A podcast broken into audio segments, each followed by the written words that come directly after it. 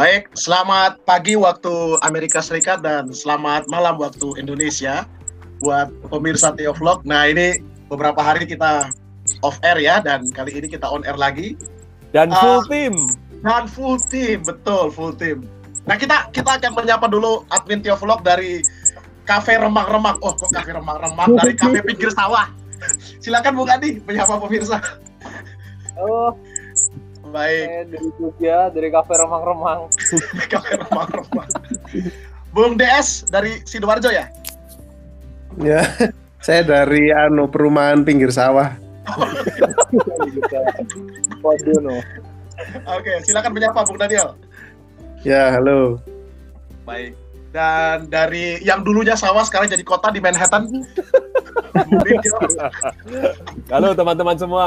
Salam, selamat pagi, selamat malam. Ya, dan saya dari Prairie Sawah Elkar Indiana. Uh, hari ini kita akan membahas satu topik tentang mengenal teologi konstruktif dan ada bintang tamu spesial mantan hmm. presiden eh presiden ketua ya ketua STT Jakarta Bapak Pendeta Yowas Adi Prasetya. Mohon monggo Pak silakan menyapa dulu Pak. Halo semua yang menyaksikan uh, Bung Adi, Bung Daniel, Bung Nindyo dan Bung Ferdian. Apa kabar? Baik sekali, Bung Yuas. Lagi kedinginan di sini, Pak. ya, saya juga. Iya. Jadi uh, topik kita kali ini tidak so, uh, kita tidak akan membahas soal kawin lagi ya. Kita akan membahas teologi konstruktif. Lagi rame ah, suka lagi. kepo ya suka kepo ya. Lah iya suka kepo soalnya. Lagi rame soalnya. Nah uh, kita akan memulai dengan langsung saja ya. Uh, kita akan minta narasumber kita untuk menjelaskan sebenarnya apa sih konstruktif teologi Pak Yoas dan uh, apa perbedaannya dengan sistematik teologi begitu ya dan apakah mungkin ada unsur pengaruh apa postmodernisme begitu karena kayaknya studi teologi konstruktif belum terlalu lazim ya di seminar Indonesia begitu ya. Hmm. Oh, Pak Ilas silakan. Di SCT sudah lazim kok. Oh, oh, wih, ngeri, ngeri, ngeri. Ngeri.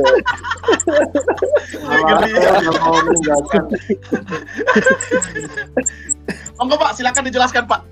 STT ya, yang ya. mana dulu? STT mana? iya. Oke, okay, terima kasih untuk undangannya. Ini kali yang kedua saya ikut dalam teologi. Uh, teologi konstruktif itu baru bisa dipahami sebenarnya ketika kita meletakkannya dalam uh, dalam sebuah trajektori dimulai dari teologi dogmatika uh, dogmatika itu berusaha untuk melihat uh, seluruh bangunan iman Kristen itu sebagai sesuatu yang harus ditransmisikan uh, bagi komunitas iman gitu. Jadi transmisi itu menjadi sangat penting. Uh, pada pada pada poin ini maka kebenaran itu bersifat korespondensi dengan kenyataan yang yang membuat pernyataan dogmatis itu benar. Nah, kemudian setelah Perang Dunia yang kedua selesai, yang melibatkan banyak sekali negara-negara yang berlatar belakang Kristen, mereka terkejut dengan kenyataan bahwa semakin mereka menekankan kebenaran, kok semakin hasilnya adalah Perang Dunia begitu. Hmm. Nah, itu sebabnya kemudian uh, para teolog, khususnya di Barat, pada waktu itu mulai menyadari bahwa mungkin bukan itu poin dari teologi yaitu uh, mencartankan kebenaran tetapi mereka me menggeser percakapan pada kebaikan pada goodness ya pada goodness itu sebabnya setelah perang dunia kedua muncul banyak sekali teologi yang berbasis pada etika uh, teologi pembebasan, teologi feminis dan lain sebagainya. Begitu. Nah bersamaan dengan itu juga kemudian orang mulai membuat penggeseran yang kedua, tidak lagi dipahami bahwa kebenaran itu soal bagaimana uh, sebuah klaim teologi berkorespondensi dengan realitas, tetapi sejauh mana teologi itu dibangun menjadi sebuah sistem. Maka menjamurlah apa yang kita sebut sebagai teologi sistematika itu trajektori yang kedua Di dalam teologi sistematika yang dipentingkan bukan lagi korespondensi sebuah klaim teologi dengan realitas, tetapi sejauh mana unsur-unsur di dalam teologi itu uh, membangun sebuah konsistensi atau koherensi, membuat sebuah sistem. Ya. Nah, tetapi kemudian uh, kita sebenarnya memasuki uh, uh, uh, trajektori yang ketiga, di mana uh, orang tidak lagi bicara soal truth atau kebenaran atau juga uh, goodness atau uh, kebaikan, tetapi beauty. Jadi estetika. Nah, di sinilah sebenarnya teologi konstruktif memasuki uh, gelanggang percakapan teologi. Kebenaran dilihat bukan lagi secara korespondensi atau koherensi, tetapi lebih menampilkan wajah evokatifnya. Jadi meng menggerakkan, mengundang hasrat orang pada keindahan. Nah, pada pada titik ini maka teologi konstruktif bermain dengan menawarkan diri sebagai bukan seperti seorang guru yang mentransmisi kebenaran, bukan seperti se seorang tukang yang membangun gedung, ya, tetapi seperti seorang uh, seniman, artis, seperti seorang uh, juru masak yang memasak bahan-bahan apa pun yang ada di tangannya uh, menjadi sebuah hidangan yang dinikmati oleh komunitas dunianya. Nah, itu sebenarnya teologi konstruktif. Nah, dia bukan sebuah teologi yang asing dari tradisi teologi. Uh, tahun 74 uh, sebuah kelompok muncul di Vanderbilt uh, yang kemudian berevolusi disebut work, work group on constructive theology uh, yang mereka kerjakan sebenarnya justru adalah menggali ulang eh, tema-tema uh, klasik dalam iman Kristen. Jadi sebenarnya yang dibicarakan sama saja dengan sistematika dan dogmatika misalnya penciptaan, alat Tritunggal, uh, dosa, akhir zaman, gereja dan lain sebagainya. Tetapi mereka mencoba untuk menemukan angle-angle yang berbeda. Bukan tradisi-tradisi mayor saja, tapi juga tradisi-tradisi yang selama ini tidak dianggap penting. Nah, itu menjadi bahan baku dalam proses berteologi. Ditambah lagi dengan perkembangan yang belum saya sebutkan tadi, beriringan dengan munculnya uh, teologi berbasis kebaikan, dengan teologi pembebasan, Minjung teologi, black teologi, feminis teologi. Hmm. Muncul juga teologi-teologi yang berbasis pada lokalitas yang disebut sebagai hmm. kontekstual teologi. Hmm. Nah itu juga dihargai. Hmm. Ya, jadi apakah konstruktif teologi sama dengan uh, sama dengan kontekstual teologi? Tidak. Tetapi konstruktif teologi menghargai dimensi kontekstualitas dari teologi. Hmm. Hmm. Tapi juga menghargai dimensi tradisional dari iman Kristen sepanjang hmm. abad. Hmm. Tapi juga menghargai dimensi imajinatif kreatif dari sang teolog untuk nah semuanya dikemas, diramu, dimasak uh, dengan penuh cinta dan hasrat pada keindahan dan disaksikan pada umat. Nah itulah teologi konstruktif. Uh, Pak, sebelum nanti mungkin rekan-rekan bertanya, saya mau klarifikasi satu hal Pak ya. Ya. Uh, tadi menarik waktu Pak Yowas menjelaskan soal trajektori histori. Uh, misalnya tadi uh, kalau nggak salah Pak Yowas katakan sistematik teologi setidaknya lahir karena ada unsur perang dunia kedua Pak ya. Uh, iya, walaupun sebelumnya juga sudah muncul ya, tetapi ini ini semacam penggambaran ya betul secara umum lah. Ya, nah kalau kalau boleh saya tanya Pak, kalau konstruktif teologi sendiri apa Pak momentum yang atau event yang menghadirkan ini Pak? Uh, ada nggak ya, event tertentu Pak? Ya, tentu ada. Uh, otherness tema otherness ini menjadi penting sekali dan ah, seperti yang anda bilang orang bisa saja mengaitkan ini dengan postmodernisme uh, walaupun banyak konstruktif teologian yang mungkin tidak akan setuju uh, bagian lagi mengatakan ini adalah uh, percabangan yang agak aneh dari postliberalisme hmm. ya. Uh, tetapi memang uh, tema otherness menjadi sangat penting. Jadi ke kegairahan untuk melihat apa yang menjadi tradisi hidup orang Kristen dari perspektif the other. Hmm. Hmm. Begitu. Baik, menarik, menarik. Silakan rekan-rekan kalau ada yang mau mengklarifikasi atau bertanya, monggo. Uh, saya mau bertanya ini, Pak. Uh, sederhana saja sebenarnya. Apa pentingnya uh, belum ke implikasi juga. Jadi apa teologi konstruktif ini sehingga katakanlah teologi yang sebelumnya itu eh, teologi sistematik itu dirasa kurang. Um, apakah pendekatan sistematik itu terbukti destruktif? Apakah pendekatan uh, dogmatika juga destruktif uh, sesuatu yang berbeda? Atau bagaimana, Pak? Ya, uh, saya ingat seorang yang baru saja menulis sebuah buku judulnya Constructing Constructive Theology, namanya hmm. Jason Wyman uh, Jr. Dia mengatakan bahwa begini, bahwa teologi konstruktif itu selalu punya dua ciri yang paling substansial. Yang pertama adalah interdisipliner, hmm dan yang kedua adalah uh, teologi itu berorientasi pada tindakan sosial. hmm Nah, ini bisa memberi kita semacam celah untuk melihat Kenapa pentingnya teologi konstruktif? Karena teologi-teologi sebelumnya cenderung uh, soliloquy, artinya hmm. ya berbicara di dalam teologi itu sendiri tanpa uh, tanpa bercakap-cakap dengan disiplin ilmu yang lain. Hmm. Yang kedua, uh, teologi yang sebelumnya itu memang sangat berbasis pada uh, kebenaran yang minim dalam hal apa praksis dan tindakan sosial. Hmm. Nah, hmm. aspek yang kedua ini sebenarnya diambil oleh teologi konstruktif dari teologi-teologi marginal yang berbasis keba kebaikan tadi, teologi hmm.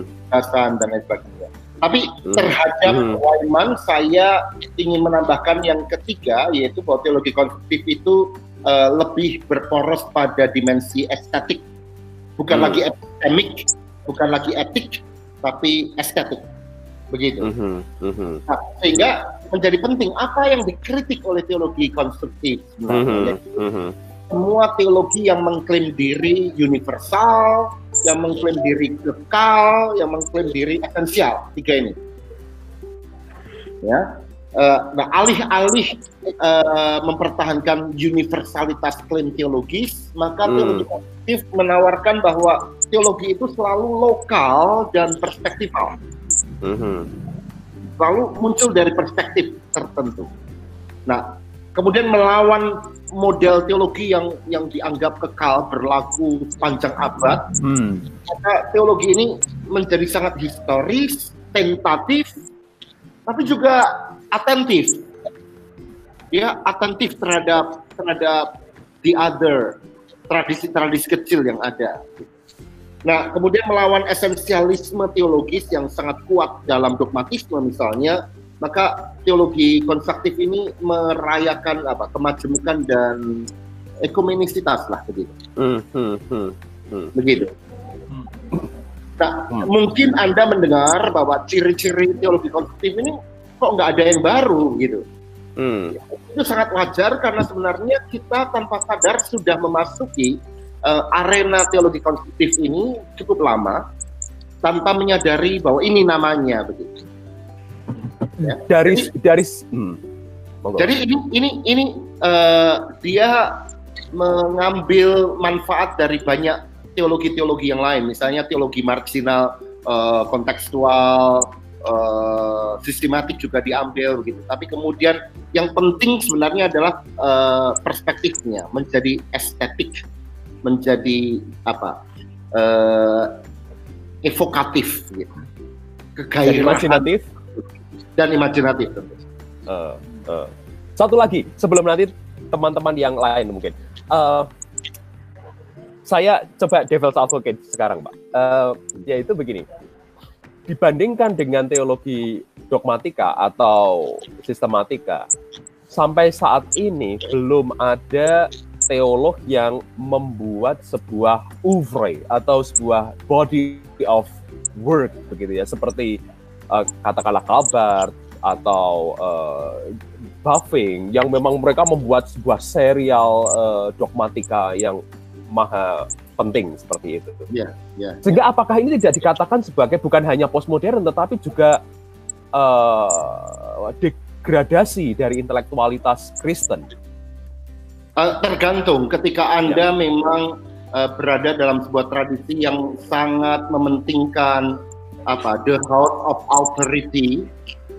The house of authority yang uh, gigantic gitu yang yang raksasa. Maka ya teologi konstruktif ini terasa ecek-ecek begitu. Tetapi kalau anda berada dalam semangat uh, yang secara realistis mengakui bahwa sekarang ini bukan lagi zamannya raksasa-raksasa teologi yang bermain dan yang lain mengikuti. Maaf Daniel yang ikut bar. Hmm. Maka maka ini sebuah sebuah pesta demokratisasi lebih sebenarnya. Begitu. Tanpa kemudian mereka menolak secara antitesis ya, ada summa theologica dan lain sebagainya itu itu Hmm. diakui juga sebagai satu dari banyak uh, sumber begitu. Hmm. Tapi Hmm. tapi sang teolog itulah yang sebenarnya kemudian secara imajinatif memasak teologinya sendiri. Oh, oke. Nah, sa- saya punya banyak pertanyaan, tetapi monggo Ya. teman-teman lah. Ya, yang dari lain. Bung Daniel mungkin atau Adi. Ya, saya sih anu aja sederhana aja pertanyaannya, Pak. Ya, Gawe eh, opo? oh, enggak, enggak. Itu kan penutup. Kalau untuk kota gimana? Nah, enggak, saya pertanyaannya simpel aja. Apa kalau teolog Injili bisa jadi teolog konstruktif nggak, Pak? Wih, Wih, ngeri. ngeri. Ini rek yang injili. Perta- pertanyaan itu lebih mudah dijawab daripada pertanyaan apakah seorang teolog Injili bisa menjadi teolog Marxis.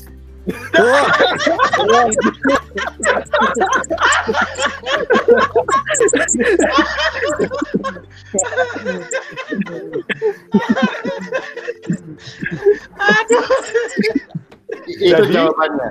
Jadi bagaimana, Pak? Kalau seorang teolog Mak- eh, Injili bisa menjadi teolog Marxis, maka dengan sangat mudah seorang teolog Injili menjadi teolog konstruktif. Saya melihat bahwa bahwa para reformator itu sebenarnya adalah seorang teolog konstruktif. Hmm. Hmm. Yang masalah adalah pengikutnya. Begitu. Apakah para Tunggu, mereka apakah para reformator injili, Pak? Eh, eh, nanti kita bicarakan soal itu saya. Iya, iya. Nah, Ada lagi Karena, karena Ada lagi Bung karena eh, eh, eh, kritik saya terhadap mereka yang mengklaim diri Injili itu sebenarnya mereka men- me- menda- mendasarkan diri pada eh, sebuah struktur epistemik, struktur knowledge dari kelompok tertentu yang membaca Injil. Begitu. Tapi bagaimana Pak Yoas eh, melihat misalnya Amos Young, kemudian Karkanen, eh, Oliver Chris yang ya memang mereka di kubu Injili tapi mereka eh, apa namanya menghasilkan eh, tulisan bersama atau karya-karya Ya, ya. yang seputar Makanya konsep- saya ingin saya tadi berkata dengan kata lain sebenarnya eh, tidak ada masalah dengan eh, jadi tidak perlu me- mengkau- eh, me- me- membenturkan teologi Injili dengan konstruktif karena banyak sekali teolog-teolog Injili yang sekaligus konstruktif. Hmm. Dengan catatan kenapa Karl Kainen dan Amos Young menjadi sangat konstruktif karena mereka sudah dipenuhi Roh Kudus mungkin. Dan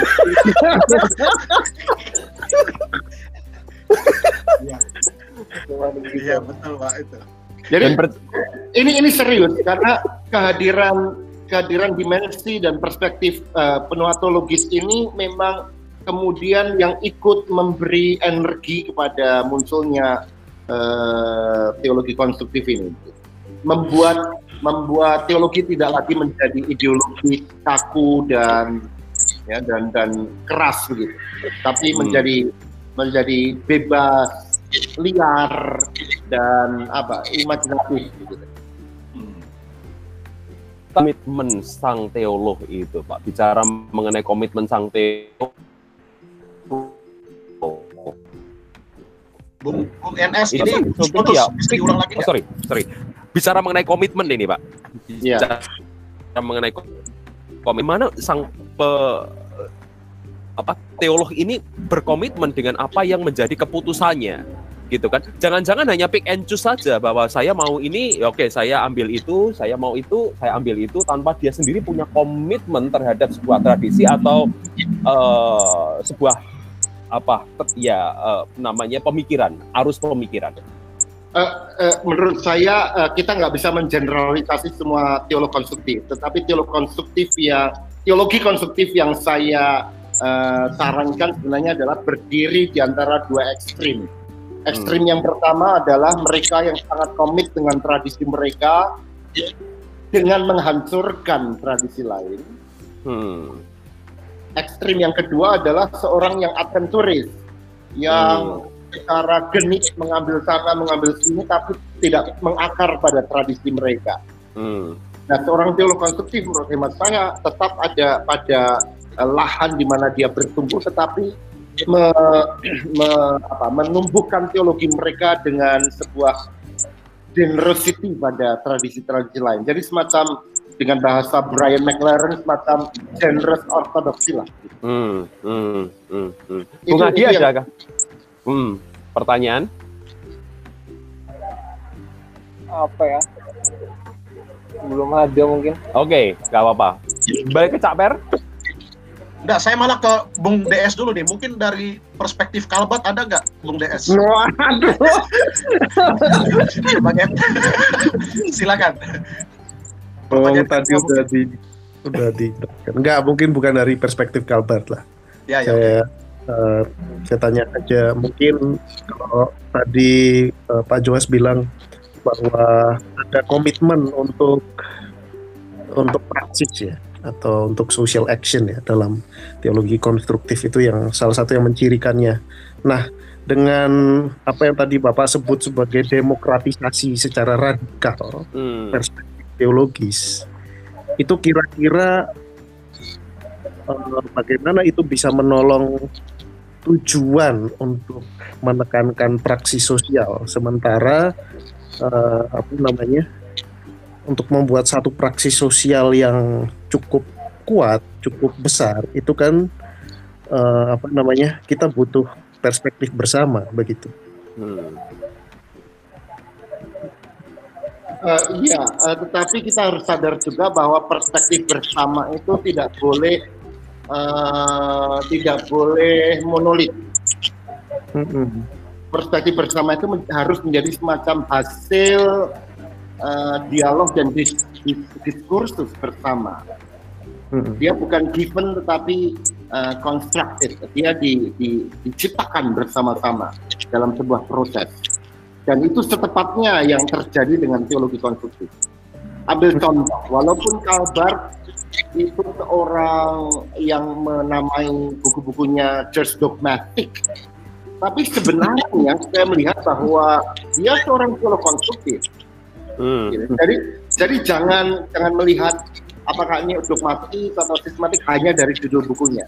Bar hmm. menurut saya sangat konstruktif hmm. dalam beberapa aspek. Dan, dan lihat bagaimana praksis yang dia lakukan misalnya ketika melawan Hitler.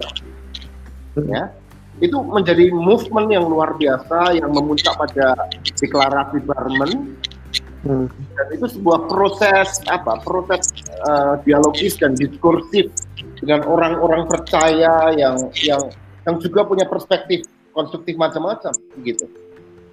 Iya iya iya. Jadi sangat mungkin. Iya. Yeah, Ya. Satu pertanyaan Pak Yos. Uh, ya.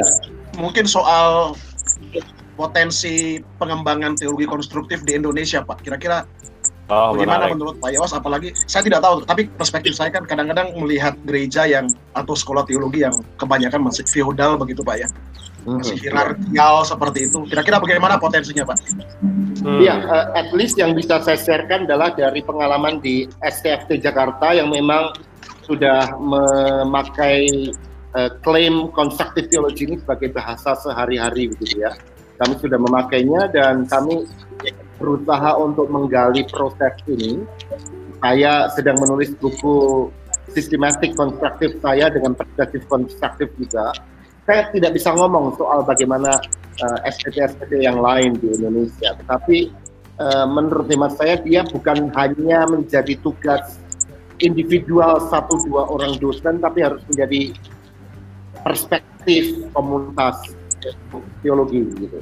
Persoalannya di Indonesia adalah bahwa banyak SPT yang yang berada di bawah gereja.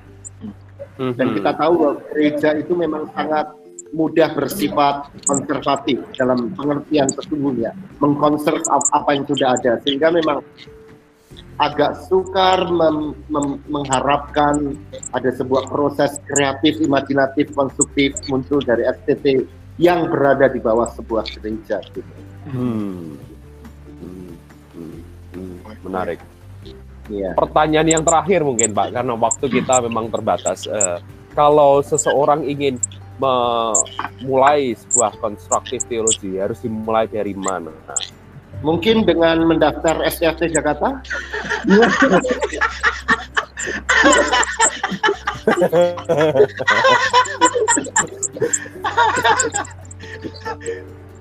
Saya lagi me menjalankan tugas wakil tempat saya. ya, jadi pemirsa bukan itu, bukan anu ya Pak ya, bukan bukan cari anu ya, bukan cari dana ya. ya, jadi pemirsa Pak Pendeta Yowas juga seorang wakil ketua Pak ya, bidang humas. kalau tidak salah ya.